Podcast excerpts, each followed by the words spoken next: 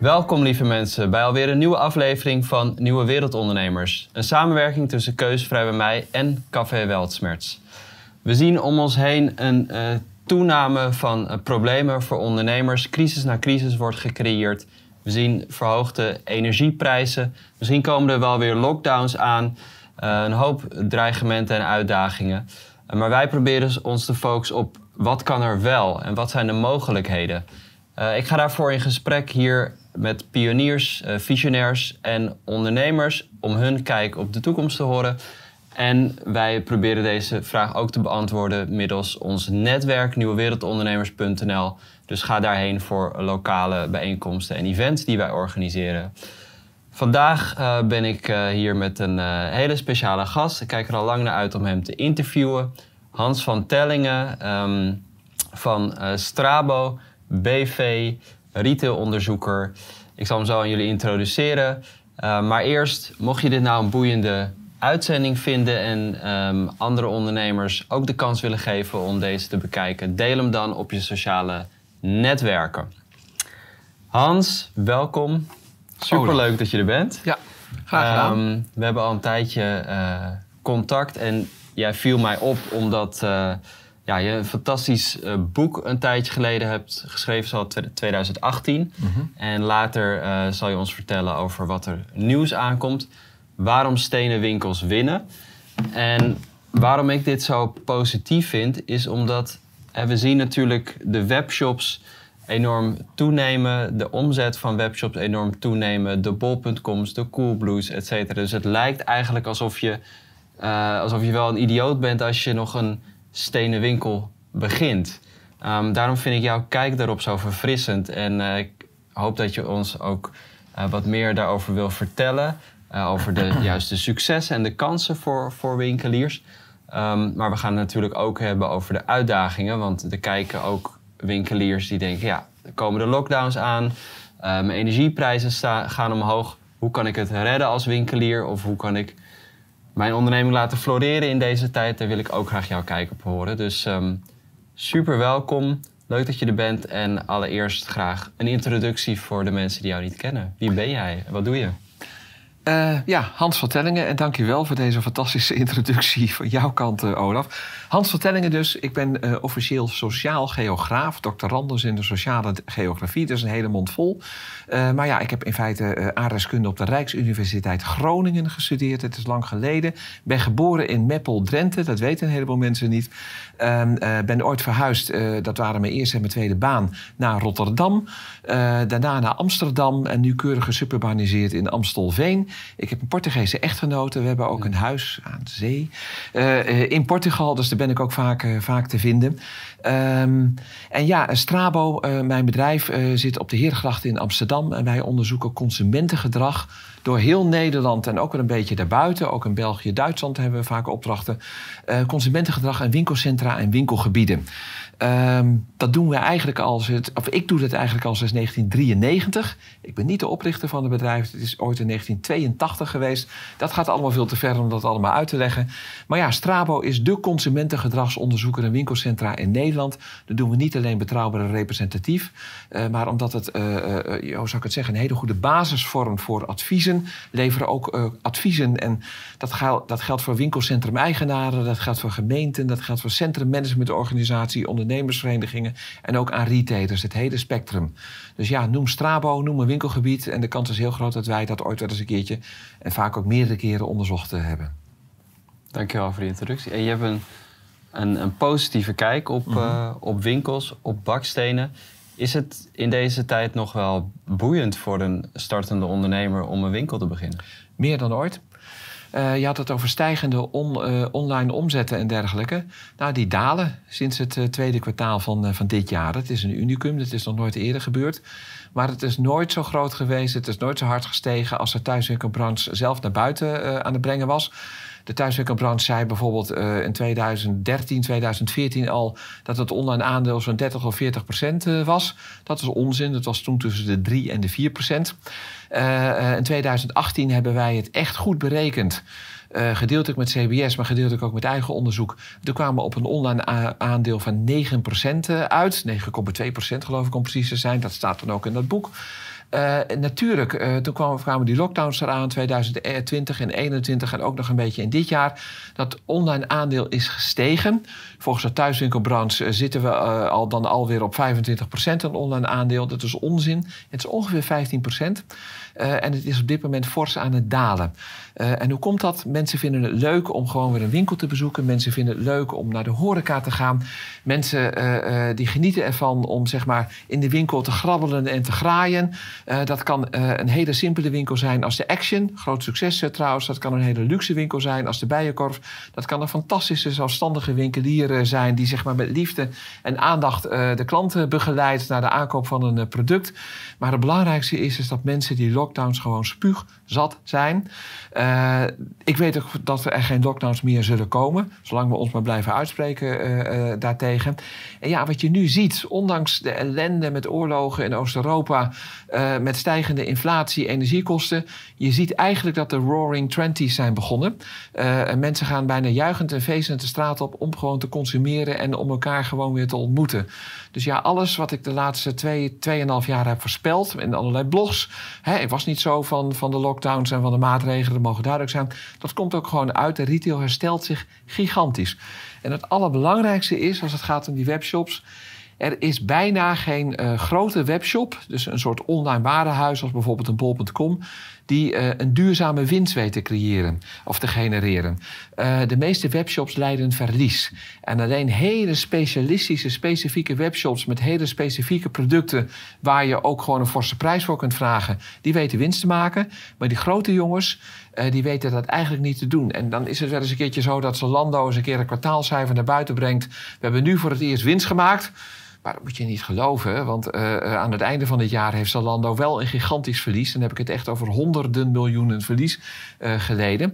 En ze zeggen al tien jaar op rij dat ze voor het eerst winst hebben gemaakt. Dus dat, dat kun je ook gewoon nagaan. Maar waarom blijven investeerders dan wel geld stoppen in de bol.coms en de Coolblues? Nou, we leven nu in een hele interessante tijd omdat de omzet daalt, ook van de webshops. Het was tot voor kort was het interessant om te investeren in die webshops. Nou, A, als een soort defensieve stapje. Iedereen doet het, dus ik moet dat ook maar. Uh, uh, Albert Heijn doet het omdat Jumbo het doet. En Jumbo doet het omdat Albert Heijn het doet. Maar ze weten allebei dat er heel erg veel geld bij moet. Nou ja, Jumbo en Albert Heijn uh, hebben gewoon goede winstcijfers. Dus het kan uit. Maar bijvoorbeeld zo'n Zalando, zo'n Rocket Internet... kent allerlei investeerders. En dan zijn er dus nieuwe investeerders... die dan Zalando opkopen. Of Rocket Internet eigenlijk. Um, en zolang de omzet aan het stijgen is, is dat voor investeerders interessant. Die winst doet er bijna niet toe, want die winst die is er in feite uh, niet. Zolang die omzet groeit, is het interessant voor investeerders om het aan te kopen, want dan kunnen zij het na verloop van tijd weer met winst doorverkopen. Het is eigenlijk een soort Ponzi-scheme, een soort piramidespel. En nu zitten we dus in de fase dat de omzet van die eh, webshops aan het teruglopen is. En zijn die, uh, zijn die webshops dan nog weer interessant voor investeerders? Ik denk dat er een enorme shake-out gaat plaatsvinden. Mooi voorbeeld. Kijk naar die flitsbezorgers. Die flitsbezorgers zijn de afgelopen anderhalf jaar opgekomen. Tijdens de tweede lockdown zag je ze opeens overal. De Flinks en de Gorilla's en de Getiers. Uh, die, stegen, uh, die stegen qua omzet even heel erg snel. Iedereen kan uitrekenen dat je daar geen winst mee kunt uh, maken. Nu dalen die omzetten gigantisch. En de eerste, de eerste van die bedrijven die maken alweer een terugtrekkende beweging. En die verlaten Nederland ook op dit moment, omdat dat gewoon niet uit kan. Nou, gaat dat ook voor de grotere webshops gebeuren? Nou, bijvoorbeeld um, een Picnic, dat is een online supermarkt. Uh, die stijgt dan wel qua omzet elk jaar nog. Al denk ik dat dat op dit moment ook stabiliseert of misschien wat terugloopt. Ik heb de nieuwste cijfers daar nog niet van. Maar ja, uh, Picnic die kan bestaan omdat er allerlei rijke families geld in hebben gestopt. En vorig jaar heeft meneer Gates er een heleboel miljoenen in gestopt. Dus ja, zolang ze dat geld hebben in, in de voorraad, dan kunnen ze gewoon nog voortbestaan. Maar er moet telkens malen geld bij. En ik verwacht dat dat een keertje op gaat houden. Wat je bij de Albert Heijn ook ziet, is dat men veel meer focust nu op die zelfscankassa's. Ik vind het trouwens helemaal niks, die zelfscankassa's, want ik hou gewoon van persoonlijk contact. Ik hou van mensen. Uh, en daarnaast, als je gewoon meerdere boodschappen hebt, dan meer dan tien boodschappen hebt, is het gewoon helemaal niet handig. Maar goed, er wordt meer geïnvesteerd in die zelfscankassa's dan in zeg maar, de thuisbezorging en in de webshop, omdat daar gewoon geld bij moet. En met, uh, met de zelfscankassa's, ja, daar kun je relatief geld mee verdienen, omdat het kosten bespaart. Want in feite doen de klanten zelf wat, wat anders een cashier zou doen. Met andere woorden, uh, de grote bedrijven die wel winst maken, maar die en die ook wel in een eigen webshop hebben ge, geïnvesteerd, die gaan er op een gegeven moment niet verder mee. Of in ieder geval, ze gaan er niet nog meer in investeren, omdat ze anders in hun eigen voet schieten. Als dat online aandeel te groot wordt, dan gaan ze op een gegeven moment verlies leiden. Dat willen ze natuurlijk niet. Ze hebben ook aandeelhouders. Maar een bedrijf als Coolblue bijvoorbeeld, lijkt mij dat die wel winst maakt. Want die pakt, kijk, eh, ik, ik weet als je een webshop uh, draait, dan kan je dezelfde prijzen rekenen als in een normale winkel. Alleen je hebt veel lagere kosten. Geldt dat niet voor een Coolblue? Um, je hebt veel hogere kosten. Coolblue uh, schrijft de laatste jaren een klein winstje, maar daar kom ik straks nog eventjes op terug. Um, nee, wat je maximaal kunt besparen met de huur van een winkel is ongeveer 10%. 10% is zeg maar de gemiddelde uh, uh, huur als percentage van de omzet die zo'n winkel maakt. Dus dat kun je besparen. Alleen uh, een webshop thuis, in, in, combinatie met thuisbezorging en eventueel ook met een heleboel retourzendingen. Met Zalando wordt veel meer dan de helft wordt teruggezonden. Uh, dat kost veel meer geld dan de 10% die je kunt besparen. Met Picnic, dus met de supermarkt, is het zo dat de supermarkt betaalt vaak maar 3% van de omzet uh, uh, die aan, aan huur. Dus Picnic heeft alleen maar het voordeel van die 3%. Maar vanwege al die leuke elektrische busjes, die allemaal uh, heel erg hip bij jou thuis de spulletjes bezorgen, kan dat gewoon niet uit. Het is, kost veel meer geld dan de huur van een pand. Dus uiteindelijk als winkelier ben je goedkoper uit met de huur van een pand. En je hebt ook voordelen, denk ik, ja. bij de huur van een pand. Want je ja. hebt een andere exposure. Je bent in het straatbeeld, je maakt. Ja verbinding met de mensen. Ja, kan je daar iets over zeggen? De voordelen van een echte winkel? Uh, nou ja, kijk, het, het, het, gaat erom dat als je in een winkel komt... en nogmaals, je hebt winkeliers en je hebt ondernemers. Ik hou meer van ondernemers dan van winkeliers. Maar goed, het was vaak natuurlijk als synoniem gebruikt. Maar ja, je hebt natuurlijk winkeliers die het toch een beetje op de jaren tachtig manier doen. Zo van, nou, ik heb een winkel en kom maar binnen. En de mensen gaan vanzelf van, hier zijn de spullen en koop maar. Dat doen wij ook met dozenschuivers. Uh, dat werkt alleen maar als je een, bewuste dozenschuiver formule bent, als bijvoorbeeld een Action. Dan werkt het juist weer wel. Maar zo'n zelfstandige winkelier, ja, dat moet een echte ondernemer zijn. Die moet een product verkopen. Dat kan ook heel gespecialiseerd zijn. En dat product moet, die ondernemer moet dat product kennen. Die moet van dat product houden. Die moet er met liefde over weten te vertellen. Die moet die klant gemeend wel, welkom uh, heten. En als dat allemaal lukt, en de klant die voelt zich inderdaad uh, goed behandeld, dan is de kans dat die klant ook koopt heel erg groot. En dat betekent dus dat je ook gewoon meer omzet kunt halen met die fysieke winkel. Ja, en mocht er nou toch eens een keertje uh, iets mis zijn met een product, dat kan natuurlijk ook bij een fysieke winkelier. Ja, dan heb je als fysieke winkelier het voordeel dat de logistiek een veel minder grote uitdaging is in, in, relatie tot al die retourzendingen en dergelijke. Nee, jij zorgt ervoor dat die garantie wordt afgehandeld, dat het allemaal goed komt. en dan is je klant alsnog tevreden en dan komt die klant de volgende keer toch weer bij je terug. Terwijl als jij voor de zoveelste keer bij Zalando rot bent behandeld, dan kom je op een gegeven moment niet meer terug. 56% van de mensen die in 2021 uh, uh, online geshopt hebben, die hebben klachten over de online bezorging. Het zij de bezorging, het zij uh, de prijs, het zij dat het een verkeerde product was. En bij fysieke winkeliers, al, alhoewel ik vind dat de aandacht voor de klant veel beter kan in Nederland. Maar bij een goede winkelier zijn er bijna geen klachten. En dus komt die klant gewoon terug. In alle opzichten is de fysieke winkel is gewoon te prefereren. Ik ben trouwens niet tegen webshops, dat wil ik ook even benadrukken.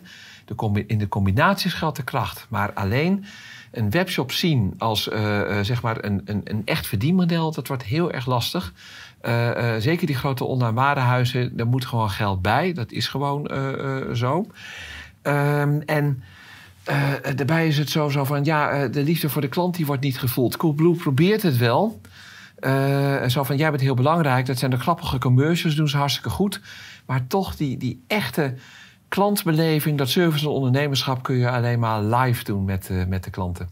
En ja, uh, de combinatie, in de combinatie geldt wel de kracht. Ik vind het prima als jij als fysieke winkelier, als stenen winkelier ook een webshop opent. Excuus.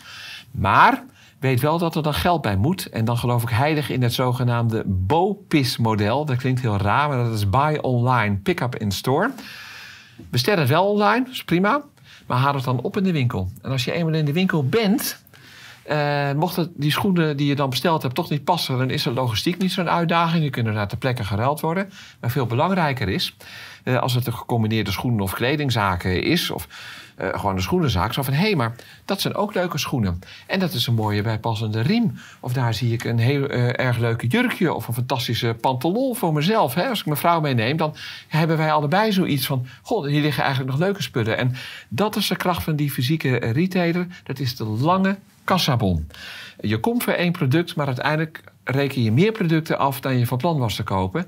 Terwijl de, uh, de webshop vaak een korte kassabon heeft. Heel gericht koop je iets wat je op dat moment nodig had. Nou, zelfs ik tijdens de lockdown heb een paar keer online iets besteld. Nou, ik ben er niet zo'n fan van, maar ja, soms heb je iets nodig. Maar dan is het alleen dat ene product dat je nodig hebt. En wat hebben wij in 2021 gedaan? We hebben heel veel opiniepeilingen onder de Nederlandse bevolking gedaan bij Strabo. Uh, en daar kwam dan uit dat mensen alleen het broodnodige online kochten. Ja, behalve de 10% online believers die echt een hekel hebben aan fysieke winkels, maar die gingen dan ook online kopen. Maar de meeste mensen zeiden van ik koop alleen maar online datgene wat ik echt nodig heb. Uh, of soms koop ik dat, dat zelfs niet. Ik wacht wel totdat de winkels weer open zijn. En dit is ook gewoon gebeurd. In de zomer van 2021 zag je gigantisch herstel. Ook bij de schoenen, ook bij de, de modebranche, ook bij de sportbranche, die het heel moeilijk hadden tijdens de lockdown. En die uh, like-for-like resultaten, zoals wij dat noemen, die waren beter dan in 2019. Nou, uh, toen hebben ze het onzadige idee gehad uh, vorig jaar december om weer een lockdown te starten. Uh, en ook uh, vanaf uh, maart 2022, toen de, de, de, winkels weer open waren... en ik weet zeker dat er nu definitief is... ik zeg dat ook even in de camera, nooit meer een lockdown... zie je ook dat die like-for-like resultaten van 2022 veel beter zijn dan die van 2019. Dus er is meer ja, omzet dan in 2019. De, de, Bill Gates van deze wereld en de Mark Zuckerberg... die denken, ja, leuk Hans, maar straks hebben wij de metaverse... en dan kom jij gewoon in een virtuele winkel. Ach ja, en dan ja, krijg, Je, krijg je ook je lange, je lange nee, bon. Dat, dat, dat, dat, werkt dus gewoon niet. Ik bedoel, er is 5 of 10 procent mensen die vinden het hartstikke leuk. Dat zijn, ik geloof er ook niet in. Ja, weet je, en als je dat leuk vindt, moet je dat vooral doen. Hè? Vrijheid boven alles, dat zou jou ook aanspreken. Keuzevrij bij mij, dat vind ik gewoon met alles. Als je dat leuk vindt, hartstikke goed. Maar de meeste mensen vinden het gewoon leuk om naar de winkel te gaan. Ja, ik geloof dus ook niet in die metaverse. Ik heb wel zo'n ding opgehad. Het is helemaal niet fijn. Ik, ik, ik heb geen idee wat er in mijn echte omgeving gebeurt. En uh, waarom zou je zo'n beleving doen als je gewoon een echte winkel kan? En wat je ook zegt, het gaat, gaat om de ervaring. Hè? In een mhm. winkel kan je echt een ervaring maken voor mensen. Ik ben bijvoorbeeld zelf, uh, ik heb geen aandelen in rituals, maar in de uh, Kalverstraat heb je mhm. de rituals uh, ja. winkel. is echt een experience. Ja. Het is zo mooi aangekleed. Ja. En, um, wat ja, fantastisch. Voor, voor, voor startende ondernemers of voor, voor winkeliers, mensen in de retail.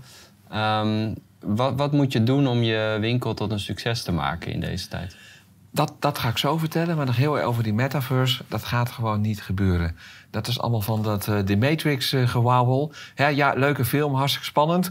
Maar uh, sommige mensen denken wel in een soort van Matrix leven. Dat is gewoon niet zo. Uh, de echte wereld is, is er nog steeds. En die echte wereld die maken wij zelf. Die echte wereld wordt dus ook niet uh, bestuurd mm. van bovenaf door ons kabinet of de Europese Unie. Die echte wereld maken wij zelf. En als wij die echte wereld zelf maken, dan zal er ook vanaf bovenaf niet meer een sturende overheid zijn die dat op een andere manier probeert te doen. We moeten bij jezelf beginnen. En bij jezelf beginnen, en dat is dan ook de, het bruggetje naar hoe je van je winkel de winnaar maakt. Dat is gewoon dat je je medemens moet omarmen. Nou, je hoeft niet iedereen een knuffel te geven als die de winkel binnenkomt, maar wel heel heel erg gemeend welkom heet. Ik heb trouwens al eerder gezegd zojuist. Uh, op een of andere manier moet jij geloven in jouw winkel, in je product, in de uitstallingen. Hè, de winkelinrichting is ook heel erg uh, belangrijk. Maar met name moet jij de liefde die jij voelt voor de producten en de liefde die jij voelt voor, uh, voor de klant, die moet de klant ook gewoon ervaren. En als die klant dat ervaart, dan gaat hij daar ook kopen. En zelfs mensen met een relatief kleine portemonnee, nou, misschien niet de mensen met de allerkleinste portemonnee, maar ook mensen met helemaal niet zo'n heel hoog inkomen, die gaan dan toch graag bij jou kopen, terwijl je misschien iets duurder bent dan de concurrent. Maar ja, dat compenseer je dan doordat je ook een beter product hebt. Je hebt een betere variant ervan. Of de klant wordt goed uitgelegd wat, uh, wat het product allemaal voor voor- en eventueel ook nadelen uh, heeft. Of misschien is het wel een eigen gemaakt product. Of in een boutiqueje is het niet, komt het niet uit een of andere Cambodje, uh, Cambodjaanse kledingatelier, maar wordt het gewoon door mensen hier thuis gemaakt. Ja, dan is het per definitie duurder. Maar het is dan wel vaak beter.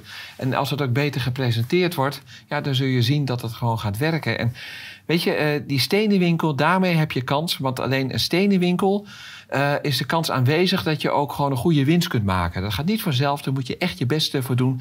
Ja, en dat is inderdaad gewoon service en ondernemerschap. Het is zo klaar als een klontje.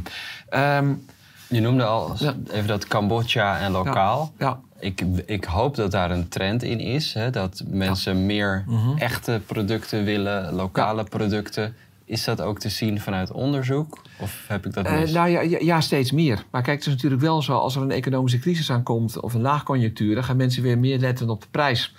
Dan gaan ze misschien ook een goedkoop brood kopen bij de Aldi... in plaats van een veel lekkerder brood bij, eh, bij, de, bij de bakker.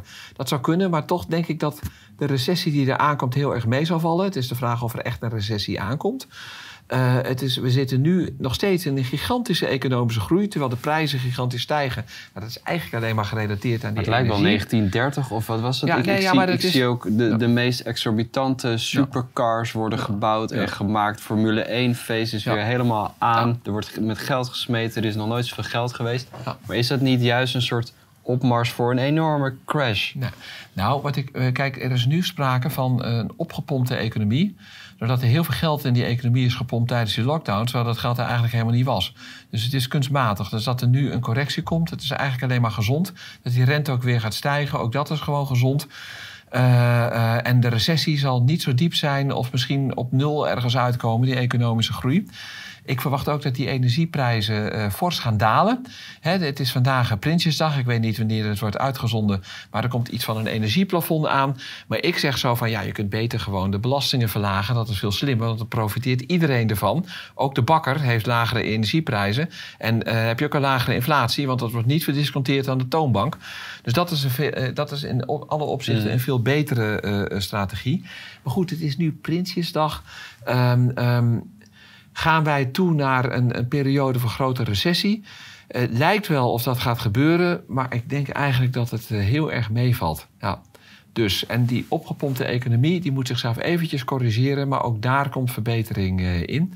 Ik verwacht dat het volgend jaar uh, dat, dat wij weer een veel gezondere economie hebben. En als het dan gaat om die stenen, stenen winkel, hè, de zelfstandige ondernemer, uh, dan denk ik ook dat daar gewoon heel veel mogelijkheden voor zijn. Want dit is ook het moment om aan te huren. de leegstand is fors aan het dalen. Ook dat had men niet verwacht. De winkelleegstand is tijdens de lockdowns fors gedaald. Zelfs ik had het niet verwacht. Ik had een kleine stijging verwacht. En een heleboel andere specialisten zeiden... gigantische stijging van de leegstand. Dat is niet gebeurd. Maar ja, als de leegstand daalt, is er dus minder aanbod. Dus ik zou zeggen, sla nu je kans. Uh, uh, pak nu je kans. Sla nu je slag. Ik haalde even twee dingen door elkaar. Um, want dit is het moment om aan te huren. Want over een paar maanden zijn er gewoon minder winkels beschikbaar om aan te huren. Dus je kunt nu nog een beetje onderhandelen over de prijs bij de verhuurder. Over een paar maanden is die verhuurder spek kopen. Dan gaan de prijzen gewoon omhoog. En worden die winkelruimtes niet vooral ingevuld door partijen met diepe zakken? Uh, of is er ook mogelijkheid voor um, nou papa en mama die een leuke winkel willen beginnen, of een jonge ondernemer die geen geld heeft of geen netwerk met, met mensen die kunnen investeren?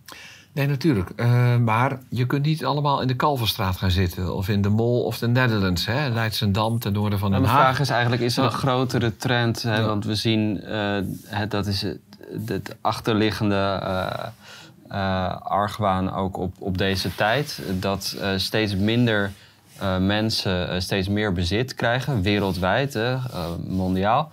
Um, zien we dat soort dingen ook in, in stenen winkels? Dat, dat het verhuurd wordt aan multi, ja, partijen die in meerdere landen werkzaam zijn? Of hebben de kleine ondernemers in Nederland ook nog kans?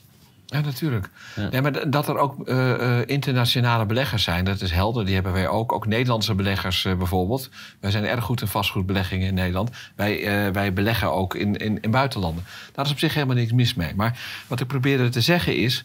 Kijk, als jij in de Kalverstraat een winkel wil huren, dan betaal je de hoofdprijs. Hetzelfde geldt voor de Mall of the Netherlands. Of we hadden het nog over Amstelveen. Het is toevallig ook mijn woonplaats, Stadstad Amstelveen. Ook een succesvol winkelcentrum. Prijzen zijn relatief hoog. Maar als jij zelfstandig winkelier bent, kun je ook naar andere locaties kijken. Als je naar Amstelveen kijkt, op de Rembrandtweg zijn mogelijkheden. Dan zijn de prijzen gewoon veel lager. Uh, noem een stad als Groningen, hè, de Herenstraat, zeg maar de Kalverstraat van Groningen. Nou, dat is relatief duur. Maar je hebt ook hele leuke aanloopstraten waar jij zelfstandige winkel je kunt vestigen. Ik noem maar wat, de Zwanenstraat. Echt een van de leukste straten van Nederland zelfs. Of de Volkingenstraat en in Amsterdam. Ja, we hadden vroeger de negen straatjes, maar die zijn ook al behoorlijk aan de prijs. Ja, dan kun je bijvoorbeeld gaan zitten op de Haarlemmerstraat of net even buiten het centrum. Je gaat naar de Pijp of naar uh, Oud-West, uh, de Kinkerstraat. De Pijp is dan uh, de Van Wouwstraat of de verder dan Bolstraat. En daar betaal je gewoon veel minder huur. En dat kan wel. En er komen ook relatief veel mensen die er voorbij lopen. En daar kun je dus gewoon een zelfstandige winkel ja, gaan starten. Dat is gewoon mogelijk. Alleen, je moet niet denken, zo'n vastgoedbelegger... die zeg maar heel duur bezit als op de Kalverstraat... die zegt zo van ja, je gaat een tiende betalen... van wat de Zara gaat betalen. Dat is, dat is niet helemaal hmm. realistisch. Dus het kan allebei. Een, een, een sterke uh, uh, binnenstad of een sterk winkelcentrum... heeft allebei nodig... Uh, uh, grote huurders uh, als bijvoorbeeld de Zara of de Primark. Daar kun je van alles over vinden, maar ze trekken wel een heleboel klanten aan. En bijvoorbeeld in de, in de zijtakken in de, uh, aan de rand van het winkelcentrum met veel lagere huurprijzen, daar kunnen dan zelfstandige winkeliers neerstrijken. En het gaat om en-en. Dus die grote huurders die moeten er ook zitten, uh, hè, voor het gros. Maar die kleine huurders, die zelfstandige winkeliers, ja, dat is de sjeu van de binnenstad, de sjeu van je winkelcentrum. En daarmee onderscheidt jouw winkelcentrum of binnenstad zich ook van andere binnensteden. Die zelfstandige winkeliers zijn in elke stad weer anders. Maar vergis je niet, 25% van alle huurders, dat betreft grote ketens. Ik heb daar van aantallen, niet over metrages. Uh, maar 75% betreft vaak zelfstandige winkeliers. Maar die zitten net niet in het allerdrukste stukje. Maar het gaat om de combinatie. Als je allebei heel erg goed doet, dan heb je een onderscheidende stad. En dan is bijvoorbeeld Arnhem beter dan Nijmegen, of Nijmegen beter dan Amsterdam, of uh, Utrecht beter dan, uh, dan Rotterdam, of Rotterdam beter dan Utrecht. Het is maar net hoe je dat invult. Mm. Maar zonder die zelfstandige winkeliers ja, vervalt de uniciteit van je binnenstad. Dus die zelfstandige winkeliers zijn gigantisch belangrijk en ze nemen op dit moment toe. Nog okay, eventjes wat cijfers. Dat, dat, wilde ik vragen qua aantal vierkante meters, wat je zei. Zien we de afgelopen decennia, want we zien de afgelopen decennia in Nederland een verschuiving qua vermogen. Hè? Steeds minder mensen hebben meer vermogen. Um, zien we bij de uh, aantal vierkante meters uh, ook wat ik verwacht, mm -hmm. een verschuiving van uh, van kleine zelfstandigen, of uh, MKB, mm -hmm. um, naar uh, dat er steeds meer vierkante meters worden ingenomen door ketens en multinationals? Ja en nee. Eerst het ja-gedeelte. Um, het totale winkelmetrage in Nederland bedraagt 31 miljoen vierkante meters. Nou, met 17,5 miljoen inwoners is er voor elke Nederlander bijna 2 vierkante meter aan winkelruimte beschikbaar. Tijdens de economische crisis van 2008 tot en met 2015 is dat metrage gegroeid van 28,5 miljoen naar 31 miljoen. Dus tijdens die, uh, tijdens die economische crisis is het gegroeid. Dat, dat had ook niemand verwacht, maar het is wel zo. Als je dat niet had gehad, had je eigenlijk geen leegstand gehad. Maar sinds 2015 stagneert dat, uh, of stabiliseert dat metrage. Het is en er blijft ongeveer 31 miljoen vierkante meter. Wat je tot een jaar of twee zag, uh, en het is vanaf de jaren negentig al aan de gang, en dat is het nee-gedeelte van de antwoord, is dat het aantal winkels daalde, maar dat het metrage van die winkels steeg. Van je zei dat het metrage steeg überhaupt, maar ook de grootte van de winkels steeg steeds verder. Dus ste uh, steeds minder kleine winkels. Dus inderdaad minder zelfstandige winkeliers. Maar sinds twee jaar is er een trendbreuk. Zie je dat het aantal winkels ook toeneemt, of in ieder geval niet verder daalt. En zie je ook dat er heel erg veel aanhuren is van nieuwe, jonge ondernemers die het gewoon hartstikke leuk vinden om een winkeltje te beginnen. En misschien juist al die vervelende lockdowns. Uh, worden mensen nog meer getriggerd om het wel te doen. Uh, zo van ja, dat gaan we nooit meer doen. En ik wil gewoon een winkeltje, want dan zie ik ook mijn medemens. En ik ga datgene doen wat mijn medemens blij maakt. En dan ga ik mijn winkeltje op inrichten. Dus, mm, um, mooie cijfers. Ja, dus het, het, is helemaal niet, niet zo dramatisch als we denken. En dan nog eens een keertje over die leegstand. Die leegstand is iets van 6,5% op dit moment. Dat valt eigenlijk wel mee, want een gezonde leegstand is 3, 4 of misschien 5 procent. Dat is de frictieleegstand. Je moet een beetje leegstand hebben. Daar is helemaal niks, niks mis mee. Die is nu uh, eh, 6,5 procent. Hij was op een gegeven moment bijna 8 procent. Maar ja, tijdens de lockdown is hij dus gedaald, wat niemand had verwacht. En ik verwacht ook niet dat nu de leegstand opeens uh, naar 20% gaat, wat een heleboel specialisten voorspellen. Ik denk eigenlijk dat hij een beetje op die 6% blijft hangen. Misschien dat hij nog een keertje 7% wordt als er toch een recessie aankomt. Maar heel veel hoger uh, dan dat zal het niet zijn. Het is alleen zo Ehm, eh, je hebt sterke plekken en uh, minder sterke plekken. Een sterk wijkwinkelcentrum uh, deed het voor de lockdown al heel goed. Tijdens de lockdown ook. Hè. Dagelijkse boodschappen, dat, dat, ging het alleen maar beter doen. Doen het nu nog steeds goed. maar kleinere en middelgrote steden, zoals bijvoorbeeld een Geleen of een Oldenzaal of een Helmond of een Den Helder die ook nog een keertje net in een verzorgingsgebied liggen met heel veel concurrentie van grote broers. Schiedam ten opzichte van Rotterdam bijvoorbeeld. Uh, daar, die, die, die bevinden zich in de hoek waar de klappen vallen. En er zijn pak een beet iets van 80 tot 100 van dat soort kleine steden... waar er waarschijnlijk wel gesaneerd moet worden. Dat klinkt een beetje kiel. Maar ja, dan moet je met 20% terug in winkelruimte. Nou, uh, terwijl die wijkwinkelcentra het goed blijven doen... daar kan soms vaak nog wat bij. Die supermarkten kunnen groter. Of er kan er gewoon nog een kaasboer bij... of een notenboer of een slager. Er is gewoon ruimte voor. En dan wat apart is, dat zijn die grote winkelgebieden... de grote binnensteden, Amsterdam, Rotterdam, uh, Den Haag, Utrecht, et cetera... Die hebben heel erg geleden onder de lockdowns. Terwijl dat de winnaars waren tot, en met twee, tot 2020, waren dat nu de verliezers. Want ja, je deed niet meer veel uitstapjes. Je ging eigenlijk alleen maar om de hoek uh, boodschappen doen. En nu zie je dat die grote binnensteden gigantisch aan het herstellen zijn. Als je naar de Kalverstraten kijkt, tot 2020 was de leegstand daar 1%. Uh, als er een keer een winkel leeg stond, dat was, uh, dat was bijna een soort godswonder. die is behoorlijk gestegen naar misschien wel 10% tijdens die lockdowns. Hè, uh, ons bedrijf zit om de hoek, dus ik vond het natuurlijk ook niet leuk. Maar nu zie je dat de 10% weer sterk aan de dalen is. En ik verwacht volgend jaar dat de leegstand, uh, nou, het zou misschien iets hoger zijn dan die 1%, maar gewoon weer gedaald is naar 2 of 3%. En dan is er eigenlijk niks aan de hand. Dus ja, grote op binnensteden. Op de lange termijn zullen die binnensteden alleen ja. maar door, want die ja. verstedelijking gaat door. Dus er komen steeds meer mensen in steden te wonen en die gaan in die binnensteden shoppen. Dus nee, dat klopt. kan alleen maar. Klopt. Maar mijn punt is dus, gaan. het totale metrage, ik verwacht niet dat dat veel gaat gaan dalen. Dat zal gestabiliseerd blijven. Misschien zien we wel een heel klein plusje. Ja, en ik word er tien jaar lang word ik soms uitgelachen als ik dit soort dingen zeg. Maar het komt elke keer gewoon uit. En dat komt omdat je de menselijke geest niet in een. A, niet in een planologische dwangbuis uh, kunt stoppen. Ik ben zelf geograaf en uh, bijna zo'n planoloog. Dus ik val bijna mijn beroepsgroep aan. Van je kunt niet bepalen hoe mensen zich gaan gedragen, verplaatsingsgedrag en naar welke winkels ze wel gaan en niet gaan. Want de ene winkel doet het beter omdat daar een goede ondernemer zit. Uh, en daarnaast kun je mensen ook niet in een dwangbuis van uh, lockdownmaatregelen uh, stoppen. Dat heeft zich ook wel bewezen. of een, of mensen... virtual reality. Nee, oh nee, ja, ook dat. Dwangbuis. Ja, en zoals ik al zeg, een beperkt percentage zal er gevoelig voor zijn. Prima. Ja. Maar dat zijn ook de mensen die, die komen toch een huis verder niet uit. Nou, uitstekend. Maar, maar dat is niet toch... de crux waar de retail om draait. je hebt genoemd dat lockdowns volgens jou niet meer komen. Hè? Dat ze denken een zorg van heel veel Zolang mensen. Zolang wij ons blijven winkels. uitspreken daartegen. ja. Maar er is natuurlijk nog een zorg van winkeliers. Dat is de mondkapjes. Worden, en mogelijk de mondkapjes, maar mogelijk andere maatregelen die tegen jouw gevoel indruisen. We hebben vorig jaar met Keuzevrij mij de verbindingstoer gedaan. Ja. Ben ik ook bij veel horeca geweest. En ik weet nog de horeca-eigenaar, Resse, met tranen in de ogen, die zegt...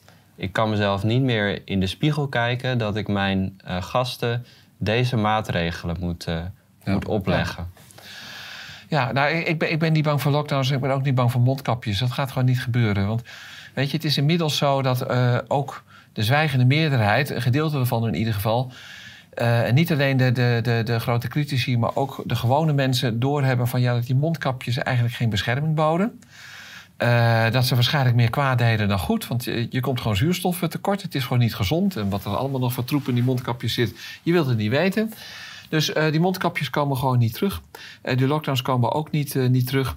En die QR-code al helemaal niet. Ik weet dat de Raad van State en MKB Nederland... hoe kun je dat nou doen als MKB Nederland... en VNO, de werkgeversorganisatie, ermee bezig zijn... als een eventuele laatste redmiddel om de winkels in de horeca open te houden... Maar 99% van de winkeliers en de horecaondernemers die willen dat gewoon niet. Dus ze hebben geen enkel draagvlak. Dus gaat het ook gewoon niet gebeuren. Want weet je, naast het feit dat je mensen niet moet uitsluiten. Kijk, als jij een mondkapje wil dragen, ik schat jou in dat je dat niet doet. Maar goed, dan moet je dat vooral zelf weten. Hè? Ik bedoel, keuzevrijheid voor iedereen. Um, maar um, uh, ik ben eventjes van me apropos. Um, die mondkapjes komen niet terug, QR-code komt ook niet terug. Waarom niet? Het werkt gewoon niet. En het gaat niet alleen, en dat wilde ik zeggen. Het gaat niet alleen omdat je mensen uitsluit. Hè? Dus dat je mensen discrimineert, want het is in feite, dat is nog het allerbelangrijkste, dat moet je gewoon nooit meer doen, want zo heet je klanten niet welkom. Als slechts 50% van de mensen nu van plan is om een booster te nemen, dat, dat is het nieuws van gisteren. Ehm, dan zal het in werkelijkheid waarschijnlijk nog wat hoger zijn. Dus pak een beet dat 40% die vijfde, of wat, hoe heet het, die derde herhaalprik of die vijfde booster neemt. Ehm, en mensen zonder die booster mogen dan de winkel niet meer in, omdat je 2G hebt ingevoerd. Nou, dan kost je dat niet alleen die 50 of 60 procent aan mensen die niet komt. Dat is één. Maar dat kost je waarschijnlijk 80 procent aan de klanditie. Want uh, wat is winkel, wat maakt winkelen zo leuk, is dat je met je groepje mensen gaat winkelen.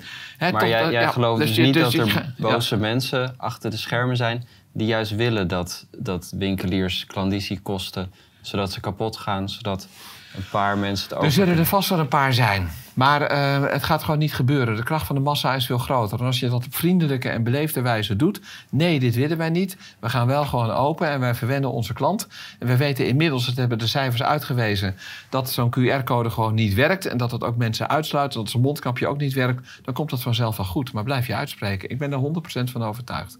Nou, ik, ben, ik hou van jouw instelling, je positieve kijk. Nog, nog één dingetje, want dat, dat gaat dan ook over, over dat uh, eh, 2G. Eh, Kijk, je sluit mensen uit. Maar tegelijkertijd is het zo dat 50 of 60 procent niet komt opdagen, want ze hebben geen QR-code. Dus dat kost je dat een omzet. Maar het percentage is dus misschien wel 80 procent dat het dan omzet scheelt. Van 20 procent kun je niet leven, zo simpel is het. Omdat er altijd wel vrienden, met name vriendinnengroepen zijn, die dan niet meer gaan winkelen. Want er zitten altijd wel één of twee tussen die niet uh, dat QR, uh, die QR-code hebben. Dus die gaan er ook niet mee. Dan gaat men helemaal niet meer winkelen. Dus dat moet je gewoon niet doen. Het is het recept voor ellende. Je moet gewoon een streep trekken. Dat doen we niet enige maatregelen die enig effect hadden als je dat virus wil afremmen. Ik vraag me af of dat nodig is, want het is inmiddels uh, een hele mild virus geworden. Maar goed, als je het virus wil afremmen, is ventileren. Gooi gewoon een raampje open of een goed ventilatiesysteem. Ja, en, en, en, en gooi eventueel uh, de IC-capaciteiten omhoog, zeker qua verpleegkundigen in de winter. Dat is eigenlijk het enige wat een heel klein beetje werkt. En, voor, ja, en als, je, als je ziek bent, nou ja, blijf maar thuis. Als je heel erg ziek bent, doe dat vooral. Dat, dat werkt. Al die andere maatregelen, dat is inmiddels gewoon voor 100% bewezen. Die hebben geen nut gehad, uh, of vrijwel geen nut gehad. En de nadelige effecten waren veel groter dan het heel klein beetje positieve effect. Er zijn zoveel studies naar gedaan, gewoon niet meer doen. En dat weten ze in Den Haag ook wel, dus maak je geen zorgen. Gewoon nee zeggen, simpel. Super, ja. dankjewel. Ik vind het uh, een mooie hoge noot om, uh, om mee af te ronden. Um, wil je nog iets vertellen? Want ik weet dat jouw nieuwe boek dus oh, ja. uh, eraan komt. Ik ben er hartstikke nieuwsgierig naar. Ik, uh, ja, ik ben bezig met het schrijven hoor. En af en toe wordt er een hoofdstuk voor gepubliceerd. Op de ondernemer of op retail trends. Uh, maar een nieuwe boek, er staat gepland op, op juni 2023. Moet ik wel opschieten. Nou, nou, het is hetzelfde principe als dit boek, dat sommige blogs worden voorgepubliceerd. Sommige blogs schrijf ik ook samen met andere retail-specialisten. Brede coalitie van mensen die in ieder geval grote lijnen gewoon geloven in die stenen winkel. Ja, en de titel van het boek wordt Stenen winkels terug van Noord uh, weg geweest. Nou, gedeeltelijk is er natuurlijk nog steeds dat is een klein beetje herhaling van ja, met webshops kun je eigenlijk geen winst maken. En met uh, stenen winkels wel. Dan moet je wel je stinkende best doen. En zo moet je dat doen. Maar ook met een heleboel nieuwe onderwerpen. Zoals bijvoorbeeld uh, de deeleconomie. Daar kun je geen geld mee verdienen. Uh, dat wordt hem uiteindelijk ook niet. De flitsbezorgers, dat gaat hem ook niet worden. En nog een heleboel meer. Ja. Ik ben ontzettend benieuwd. Kijk naar uit, ga hem lezen. Eerst deze van top tot teen. Al heb ik het gevoel dat ik al best wel veel ja. van jouw wijsheid dit uur tot me heb genomen. Mm -hmm ja, we zijn ongeveer bij een uur. Oké. Ehm, nou, ontzettend bedankt. Ik denk dat het heel informatief was en boeiend voor de kijkers. En weer een, een, een eigen perspectief op uh, alle zaken waar we nu in zitten. Um, dus ik wil de kijkers uh, ontzettend bedanken uh, dat je erbij was. Um, ik wil je eraan herinneren, ga vooral naar nieuwewereldondernemers.nl om te kijken waar de lokale bijeenkomsten bij jou in de buurt zijn. En binnenkort wat grotere events gepland worden met boeiende sprekers. En um, ik wil jou uh, ontzettend bedanken voor dit gesprek, Hans. Ja, insgelijks. Ja, Leuk. dankjewel dat ik hier mocht komen.